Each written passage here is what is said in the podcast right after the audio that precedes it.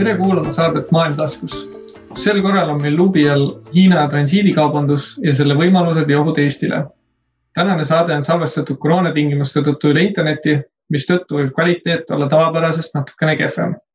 Hiina on viimastel aastatel tugevdanud oma kohalolu mere ja maismaa transiidis, ostes Kreekat Pireuse sadama, liisides üheksakümne üheksaks aastaks Sri Lankal asuva Hambantota sadama, avades sõjaväebaasi strateegiliselt olulises Djiboutis ja toetades võimsalt taristuehitust nii Kesk-Aasias kui ka Valgevenes. et lähete, kas ja kuidas mõjutavad need arengud ka Eestit, olen saatesse palunud Aasia uuringute magistri ja Tallinna Ülikooli Rail Baltica trassikoridori võimalusi uurinud projektianalüütiku Kristo Tamme. tervist. tervist. mina olen saatejuht ja Postimehe välistoimetaja Karl-Hendrik Pallo. alustame siis vast sellega, et äh, millele te oma raportis täpsemalt keskendusite no kui me vaatame Rail Balticut üleüldiselt, siis eh, meil tuleb eh, vaadelda selle, sellist asetust eh, laiemas Euroopa transpordivõrgus. et kui meil Rail Baltica Eesti meediast läbi käib, siis üldjuhul näidatakse meil pilte siin Ülemiste terminalist ja Pärnu terminalist ja räägitakse sellest, kuidas see jõuab läbi teiste Balti riikide siis Varssavisse ja sealt edasi võib-olla Saksamaale, et eh, meil räägitakse palju sellest reisirongiliiklusest. aga noh, tegelikult sellel on ju väga suur osa ka kaubanduses, et eh, Euroopa transpordivõrgu kontekstis eh, saab Rail Baltica ühilduma hästi paljude teiste raudteedega, mis omakorda loovad võimaluse transportida erinevaid kaupasid üle Euroopa võimalikult kiiresti ja meie projekt siis uuris seda, et eh, kuidas ühilduvad Rail Balticaga kaks eh, sellist eh, raudteekoridori. Need on siis Läänemere-Aadre koridor ja sellega suuresti paralleelselt, aga osati rohkem ida poolt kulgev merevaegu koridor.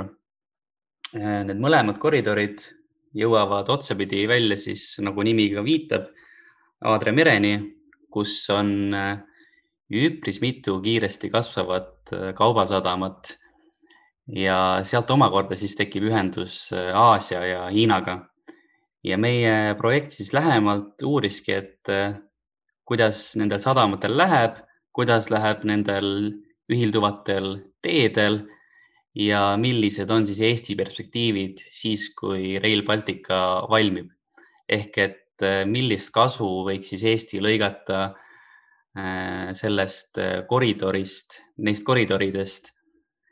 äh, just sellest vaatevinklist, et kas meie kaubavahetus Hiinaga paraneb, Aasiaga paraneb ja üleüldiselt ka Kesk-Euroopa ja Lõuna- ja Ida-Euroopaga. ja mis olid siis need tulemused, et kas parandab ja kuidas? kindlasti parandab selles mõttes, et me vaatlesime seal äh, täpsemalt kolme sadamat kolmes eri riigis. me võtsime vaatluse alla siis äh, Trieste sadama Itaalias, Rijeka sadama Horvaatias ja Peri sadama Sloveenias. ja noh, nad kõik on kasvavad sadamad, need kaubamahud kasvavad. tõsi, siin pandeemia tingimustes on äh, muidugi mingil määral need vähenenud, aga näiteks Hiina puhul ei ole see pandeemia kuigivõrd mõjutanud, et pigem on näiteks need mahud seal ikkagi Hiina puhul endiselt kasvamas. aga Eesti puhul jah, nad kindlasti tuleks kasuks just, just sellepärast, et äh, tekiks kiire äh, ja selline noh, Euroopa-sisene ühendus äh, selliste suurtemate maailma kaubateedega. et noh, teadupärast siin suur transiit käib ju meritsi tuleb Hiinast ümber India läbi Suessi siia Vahemerele. ja nagu näiteks noh, sa mainisid siin kohe alguses Pireuse sadamast, siis selle puhul ju peavad need kaubad läbima sadamasse jõudes Balkani poolsaare, mis eh, ei ole suuresti Euroopa Liidus. teed on seal ikkagi sellised eh, küsitavas seisukorras, nad ei ole moderniseeritud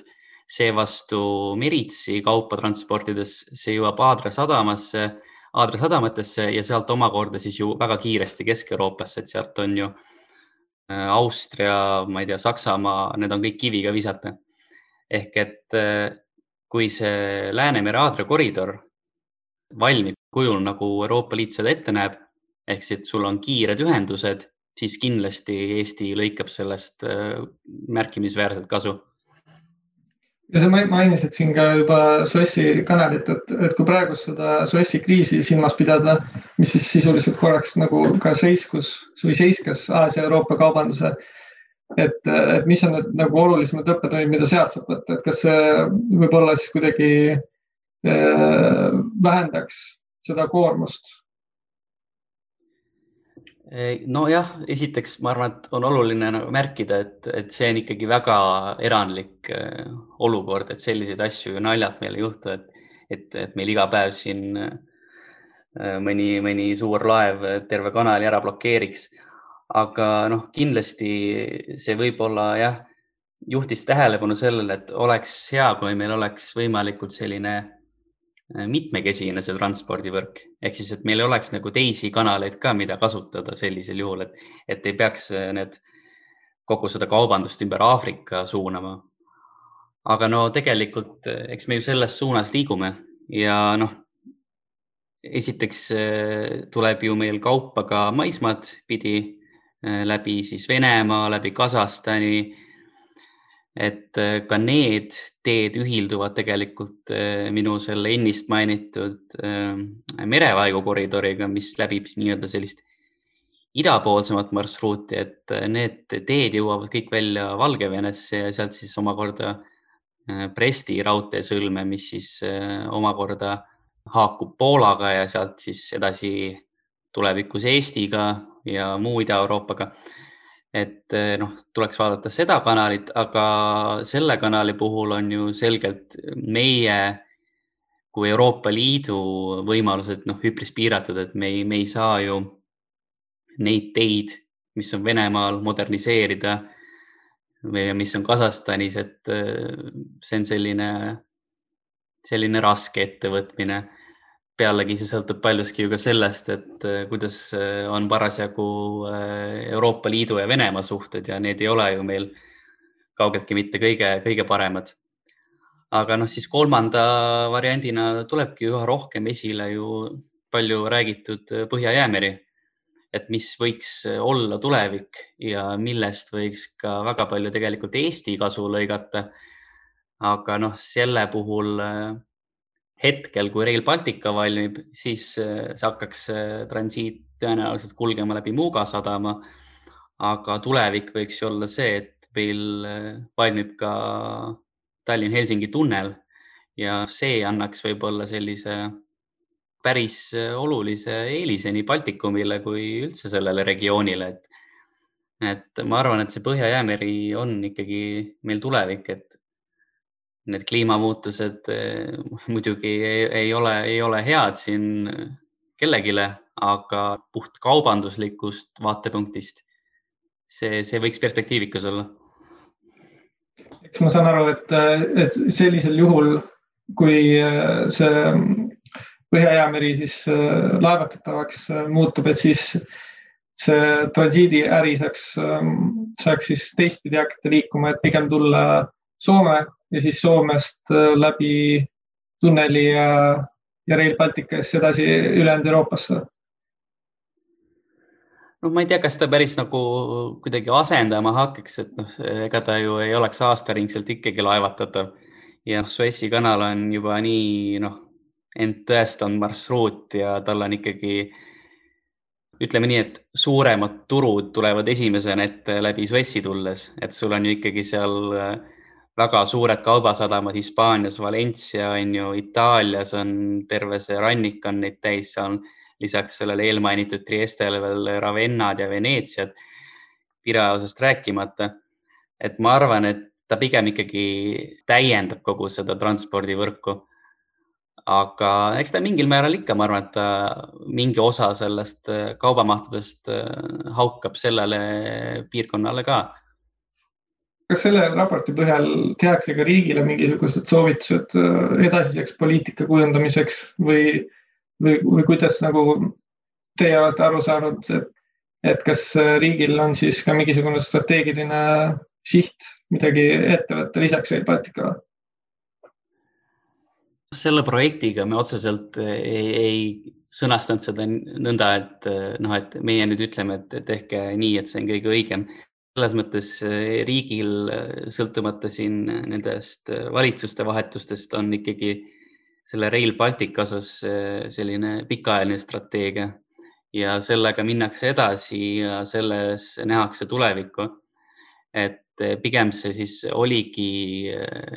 mõeldud seniste teadmiste täiendamiseks, et, et milline on see praegune olukord. noh, sest et selge see, et, et kui Rail Baltica valmib, siis eh, sellest me saame kasu hakata lõikama kõige paremini siis, kui ka need ühilduvad teed on valminud. Ja noh, Läänemerest Aadramereni on üpris pikk tee, seal tuleb läbida päris palju riike. Ja me uurisimegi seda, et et millises seisus äh, need erinevad teed on ja mis seisus on need sadamad, et me leidsime ja tuvastasime seal noh, päris mitmeid äh, selliseid äh, pudelikohti, mis vajavad veel lahendamist. aga need kõik kitsaskohad peaksid saama lahendatud selleks ajaks, kui Rail Baltica valmib. millal Rail Baltica valmib, see on muidugi omaette küsimus, kuna see ei sõltu ainult Eestist et meie võime ju enda jupi valmis ehitada, aga kui, kui Leedus on midagi pooleli, siis, siis ei ole sellest nagu väga abi. ehk et jah, see tööülesanne, mis meile siis nagu esitati, oligi uurida, mis seisus need sadamad on. Eh, ja siis võib-olla rohkem fookuses oligi tegelikult see Sloveenia Kopperi sadam, millel nähakse sellist päris suurt potentsiaali, et et kuna see nagu üha kasvab ja see Läänemere-Aadri koridor jookseb ilusti sinna välja, et, et, et selle kaudu siis uurida. ma tõmbaksin nüüd natukene võib-olla perspektiivi laiemaks, et, et praegu me oleme siis olukorras, kus, eks ju, kaitsepolitsei on juba aastaid rääkinud Hiina luurehuvi suurenemisest Eestis ja ja, ja Tartu Ülikool on mitmes skandaalis olnud äh, Hiina teemadel ennast äh, tsenseerimise eest. Äh, nüüd märtsis leiti ka esimene eestlasest Hiina spioon, et kas, ähm, kas sellises poliitilises olukorras, kas me peaksime üldse üritama ähm, kuidagi aktiivselt minna nagu Hiina raha püüda, püüdma või, või, või kas see nagu selline Hiinast sõltuvaks äh, enda nagu tegemine, et, et mis need nagu suuremad negatiivsed aspektid sellel võivad olla? Ma arvan, et oluline on siin eristada kaks aspekti, et mis on nagu see majandus, majanduslik, kaubanduslik pool ja mis on see poliitiline pool, et ma arvan, et Eesti-sugusel väikeriigil on ikkagi pigem see vältimatu, et, et me nüüd siin ütleksime Hiinaga koostööst täielikult lahti, et, et kui me siin ajaks mingisugust noh, totaalset aatelisust riikides taga, siis, siis me võib-olla saaks üldse ainult siin, ma ei tea, Islandi ja Fääri saartega kaubelda. Neid näiteid eh, on ju selles mõttes palju, et kus, kus Hiina on investeerinud ja mis on siin palju kõneainet pakkunud, et et seesama Pireuse sadamas ja siin äh, Ungari noolib Pekingi, Pekingi investeeringuid. Aga ma arvan, et nagu oluline on pigem lihtsalt, oluline on võib-olla see, et, et, et ei loovutataks võib-olla kontrolli mingisuguste strateegiliselt oluliste taristuobjektide üle. mitte, et me siin nagu täielikult lahti ütleks või et, et me või ei prooviks Hiinaga seda kaubavahetust Äh, parandada selles mõttes, et noh, selge on ju see, et Euroopa Liit ja Hiina, see kaubavahetus ei lakka, et äh, siin võib ju statistikat vaadata, et näiteks eelmine aasta, kus kõikide teiste riikidega impordid, ekspordid Euroopa Liidul vähenesid, sealhulgas Ameerika Ühendriikidega, kes oli seni suurim kaubanduspartner siis Hiinaga need tõusid ja on nagu jätkuvas tõusu, tõusutrendis, et, et kui ma siin õigesti mäletan, see oli äkki viimase viie, viie aastaga, et see on niisugune kakskümmend viis protsenti äkki, äkki kasvanud. Et ma arvan, et see on vältimatu, aga oluline on lihtsalt see, et, et kui me Hiinaga suhtleme, et siis me teeks seda Euroopa Liidu tasandil nagu plokina, mitte niimoodi igaüks ei pusi siin oma põlve otsas et see on see koht, kus Hiina võib-olla võib ära kasutada, kuna noh, selgelt nad mängivad erinevate reeglite järgi. aga Euroopa Liit ja Eesti ei peaks noh, totaalselt ka enda väärtustest loobuma. Aga oluline on jah, ma arvan, et seda teha niimoodi ploki tasandil. et leida selline kuldne kesktee. nojah, see võiks selline eesmärk olla, aga kahjuks maailma reaalsus on ju see, et me elame ikka sellises reaalpoliitik maailmas, kus iga riik seisab enda huvi eest ja sellist äh, aatelisust äh, on vähe, et noh, kui ma siin vaatan, et kes on Eesti liitlased, et siis võib ju samamoodi siin etteheiteid teha, et, et kas siis Ameerika Ühendriigid on nii selline demokraatlik ja vaba kants nagu, nagu noh, me ette kujutame, et, et, et kellega nemad koostööd teevad, et olgu see siis Saudi Araabia või, või kes iganes. jah, et noh, te juba veidi hakkasite ka selle teema peal rääkima, et, et blokina Hiinaga suhtlemine, et nüüd, kui, kui aasta, eelmise aasta lõpus teatas Euroopa Komisjon, et kõigest, mis Hiinas praegu toimuvad, eks ju, genotsiid ja muud, et sellest hoolimata teatati suurest äh, investeerimisleppest. et siis äh,, mis te arvate, et kas siis praegu siis Brüsseli, Pekingi selline vaheline majandussuhete soojenemine, et kas selles kontekstis äh,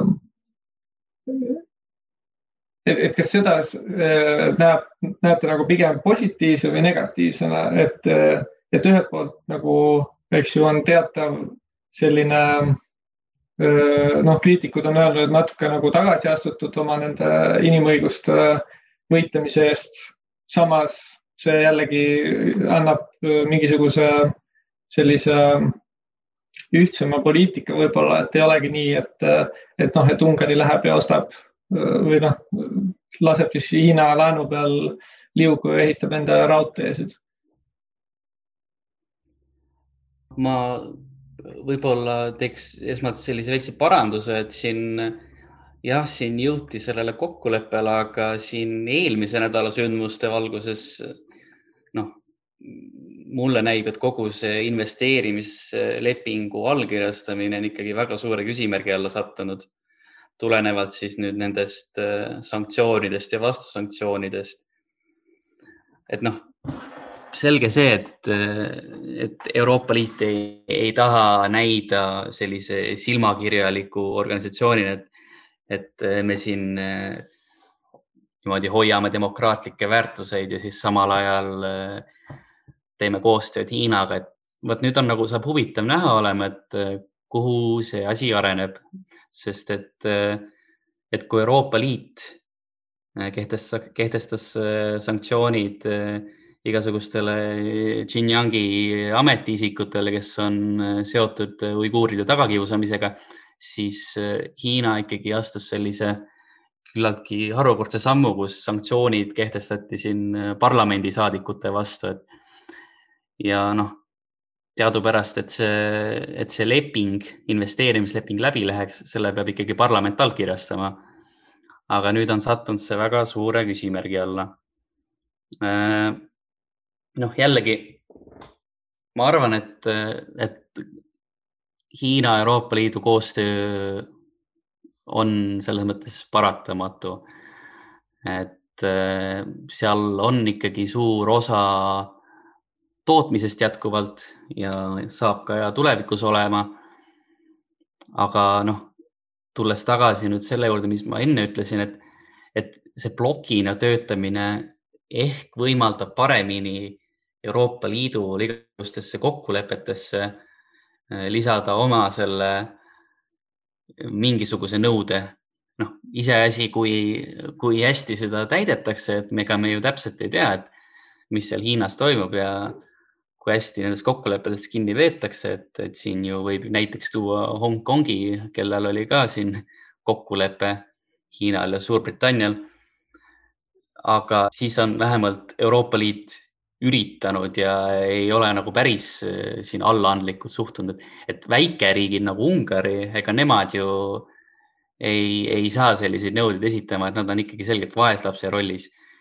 et äh, jah, siin on oluline tegutseda ühtsena. jah, et selles mõttes ma olen ka nõus, et, et, äh, et ükskõik mis väikeriik, et Eesti või Ungari või mõni muu, et et selline noh, et ühelt poolt nagu Ungari ka ei saa palju teha Hiinaga suhetes, aga samas see signaal, mis välja anda, eks ju, näiteks Euroopa Liidu suunas, et, et, et noh, et me teilt ei võta laenu näiteks, vaid võtame hiinlastelt lihtsalt sellepärast, et nii-öelda ära panna. et, et seal, seal tegelikult seda nagu kahju saab ikka luua ju suht palju no just täpselt ja no eks ta mingis mõttes mulle tundub, et see, et see Hiina üha selline süvenev jälg siis Ungaris, Kreekas ja siin mõnes Euroopa riigis veel, noh, mis ei ole ka Euroopa Liidu riigid, siin näiteks on ju Montenegros päris palju investeeritud, et, et ta ikkagi teatud mõttes on mõjunud ka sellise äratuskellana Euroopa Liidule, et et tuleb rohkem teha ja ei ole pääsu sellest. noh, ma arvan, et, et see Euroopa Liidu selline killustatus, nagu ta, nagu ta meil on, et ega see siin lihtsalt ei lahene ja meil on väga raske mingisuguseid väga konkreetseid nõudmisi Hiinale esitada, et siin on ju äh, Äh, minevikust üpris mitmeid näiteid, kus äh, äh, Ungari ja Kreeka on siin blokeerinud selliseid tugevasõnalisi avaldusi Euroopa Liidult Hiina suunal. aga sellega tuleb tegeleda. Siin projekti käigus ka tuli tegelikult esile mitu sellist olukorda, kus võib-olla selline Hiina hirm kerkis esile, et näiteks siin Äh, Trieste sadamasse püüdsid hiinlased investeerida, aga, aga see seal takerdus tegelikult täiesti selliste poliitiliste põhjuste taga, põhjuste taha, et äh, ikkagi selline kõrgemalt äh, avaldati soovi, et noh, et, et see päris äh, okei okay ei ole, et, et kui Hiina saaks nüüd nii suures Aadria mere sadamas ka seal kande kinnitada, et, et see lõppkokkuvõttes lõppes sellega, et selle suure investeeringu tegi hoopis Hamburgi sadam, et, et noh Saksa sadam, Euroopa Liit ja noh, nii-öelda omad poisid, vaata. ja neid näiteid on veel, ka selle Kopperi sadama puhul, seal on näiteks üheks oluliseks pudelikohaks on kohe see sadamast väljuv raudtee, mida seal parasjagu moderniseeritakse, see on väga kallis ettevõtmine. sealgi oli, kui ma õigesti mäletan, mingisugune üle kümne hankel osaleja, kellest äkki kolm olid Hiina ettevõtted ja need seal äh, ikkagi jäeti kõrvale ja need seal Hiina ettevõtted kaebasid seda edasi, et, et siin on nagu selgelt sellist hirmu ikkagi tunda. Jah, ja no lisaks, äh, eks ju Eestis ju ka tegelikult, et äh, kui, kui neid jutud Tallinkis sellest tunnelist hakkasid tulema, et hiinlased tahavad investeerida, et siis tegelikult kõik, kõik arvamusliidrid ja, ja, ja muud inimesed olid ju koheselt häirekella löömas. nojah, aga vot see on selline, selle puhul ma ütleks, et see on ikkagi selline strateegiliselt väga oluline taristuobjekt, et ma selle puhul täitsa mõistan. oleks võib-olla narr anda selline objekt, mis saaks kahe riigi majandust niivõrd olulisel määral mõjutama, anda täiesti kolmanda riigi finantseerida ja ehitada. et ma arvan, et me peame Euroopa Liidus olema ikkagi suutelised ise neid väga suuri taristuprojekte ellu viima. Et, et ka näiteks noh, siin viim-, nädala alguses äkki või oli see eelmisel nädalal, tuli ju äh, Joe Biden sellise avaldusega lagedale, et Ameerika Ühendriigid võiks tegelikult hakata oma sellist uut siiditeed ajama, et,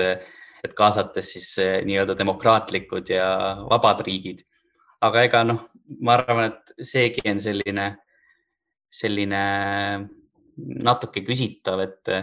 et kui jah, mingi, mingi osa nad äh, rahastavad, see on vast okei okay,, aga et see initsiatiiv peab ikkagi, ma leian, Euroopa Liidu poolt tulema. Ja noh, tegelikult väga paljuski, väga paljude projektide puhul seda on tehtud, et Rail Baltic on üks neist ja, ja see üle-euroopaline transpordivõrk, see on väga suur ettevõtmine, aga kui ta selles mahus valmib, nii nagu projekt ette näeb, noh, seal on väga palju erinevaid allprojekte, noh, see annaks ikkagi Euroopa, Euroopa Liidule sellise väga tugeva lähtepositsiooni sellises maailma, maailma majanduses. kui palju Aadria meresse jõuab kaubandust ja kellelt? palju räägitakse kaubandusest Hiinaga, aga noh, Aadria, Aadria mere sadamate puhul äh, on nagu oluline märkida, et, et, et sinna jõuab ka päris paljude teiste Aasia riikide kaup. et näiteks ühe sellise olulise partnerina tasub välja tuua Lõuna-Korea,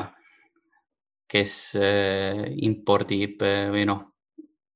toob Aadria sadamatesse väga palju tehnikakaupu, mis omakorda siis transporditakse Poola, kus neid seal monteeritakse ja sealt pannakse veel edasi äh, laevade peale Gdanskis ja Kitinjas, et äh, meie räägime tihti ju just sellest Hiina suunalisest kaubandusest, aga oluline on pidada silmas ka ju seda, et ega Aasia ei võrdu Hiina, et seal on lisaks Lõuna-Koreale ka siin India on üha arenev suurem turg kellele siin kõik need eelmainitud sadamad hammast ihuvad, et näiteks äh, see Horvaatias äh, Rijeka sadam äh, püüab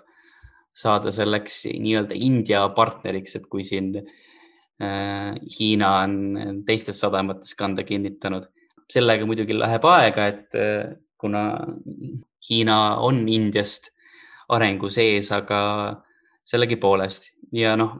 võiks veel välja tuua siin näiteks äh, sellised riigid nagu Indoneesia ja, ja ka näiteks äh, Taiwan, et äh, need kaubad jõuavad sellise suure, sellise noh, mitte kas ringiga, aga pikka teed pidi sinna, tee sinna Aadria sadamatesse. et ma arvan, et see on küllaltki selline perspektiivikas ja noh, näiteks Indoneesia puhul äh, siin kahe tuhande üheksateistkümnendal aastal äh, Sloveeniasse saabus Indoneesiast äh, siin kolmsada seitsekümmend viis tuhat tonni kaupa, et noh, antud riigi puhul on küll võib-olla see statistika natuke selline petlik, et, et siin me räägime siin terasest ja, ja rauast, aga, aga, aga näiteks Hiina puhul see kaupade variatsioon on väga suur, et, et nad on see teine, Indoneesia järel suuruselt teine partner tonnides. ülemöödunud aastal need mahud olid siin kakssada kakskümmend viis tuhat tonni. aga erinevalt Indoneesiast ei saa esile tuua nagu ühte kindlat kaubaliiki, et, et see varieerub seal kemikaalidest kuni elektroonikani ja noh, ka vastupidisel suunal äh, need mahud on sellises jätkuvas kasvutrendis, et noh, mis tähendab seda, et ka meil võiks olla päris soodne saata just seda Läänemere Aadria koridori pidi enda asju Hiinasse. et noh, näiteks Kopperist kahe tuhande viieteistkümnendal aastal eksporditi üle kaheksakümne tuhande tonni kaupu, aga näiteks kahe tuhande üheksateistkümnendal aastal see number oli enam kui kahekordistunud. et noh, kindlasti on sellel asjal perspektiivi. ja noh, see sadam ise ka näeb eh,